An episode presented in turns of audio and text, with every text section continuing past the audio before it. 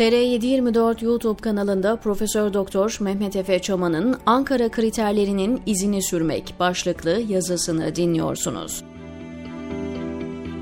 Hafıza-i beşer nisyanla malulmüş. Hatırlar mısınız bilmem. Fi tarihinde AB'ye girelim diye uğraşırken Türkiye'ye sorun çıkartan ve ucu açık müzakere falan gibi formüllerle üyeliği ötelemeye hatta engellemeye çalışan AB ve üyelerine bugün ülkeyi yönetenler reformlardaki ve demokrasi yolundaki kararlılığı vurgulamak için Kopenhag kriterlerine Ankara kriterleri der yolumuza devam ederiz demişlerdi.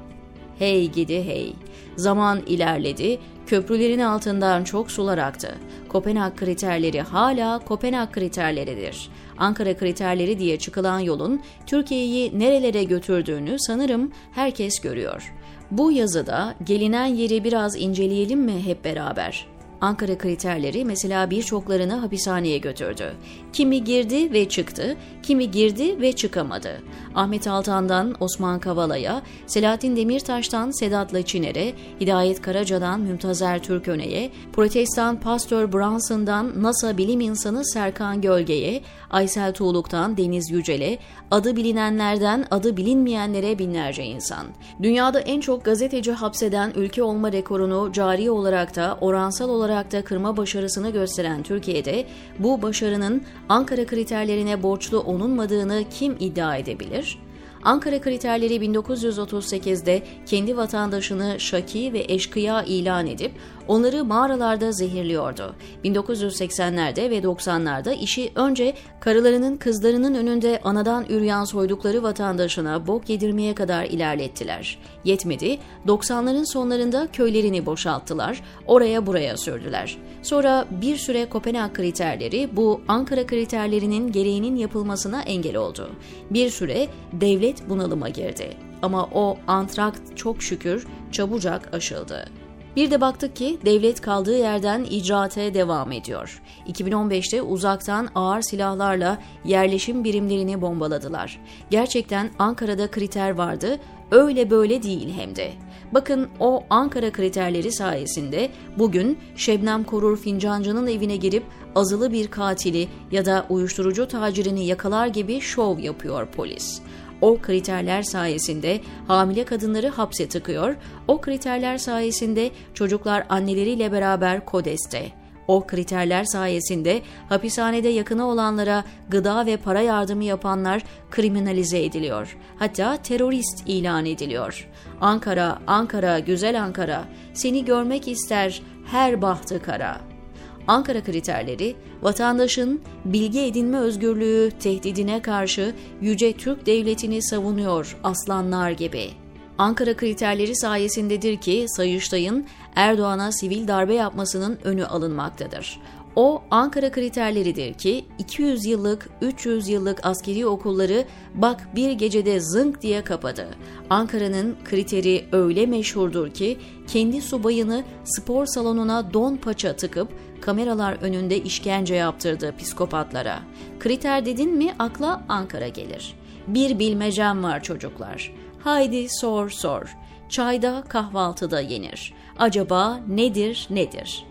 Kriter dedin mi akla tamam şimdi buldum. Hemen onun adı gelir. Ankara.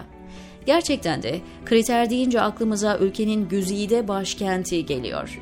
Mesela bakın helikopterden köylü atmak gibi bir halt eğer Ankara'da kriter olmasaydı mesela hafazan Allah nice olurdu memleketin hali.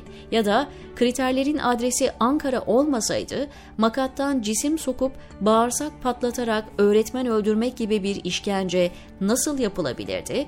Velev ki Ankara kriterleri olmasın.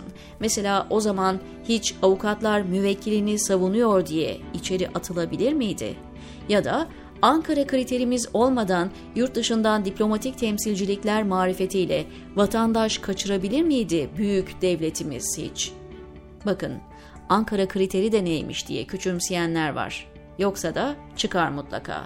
Bunları susturmak için kullanılacak en hoş argümanlardan biri reisin Karadeniz uşağı korumalarının ABD'de sokak ortasında protestocu pataklamasıdır.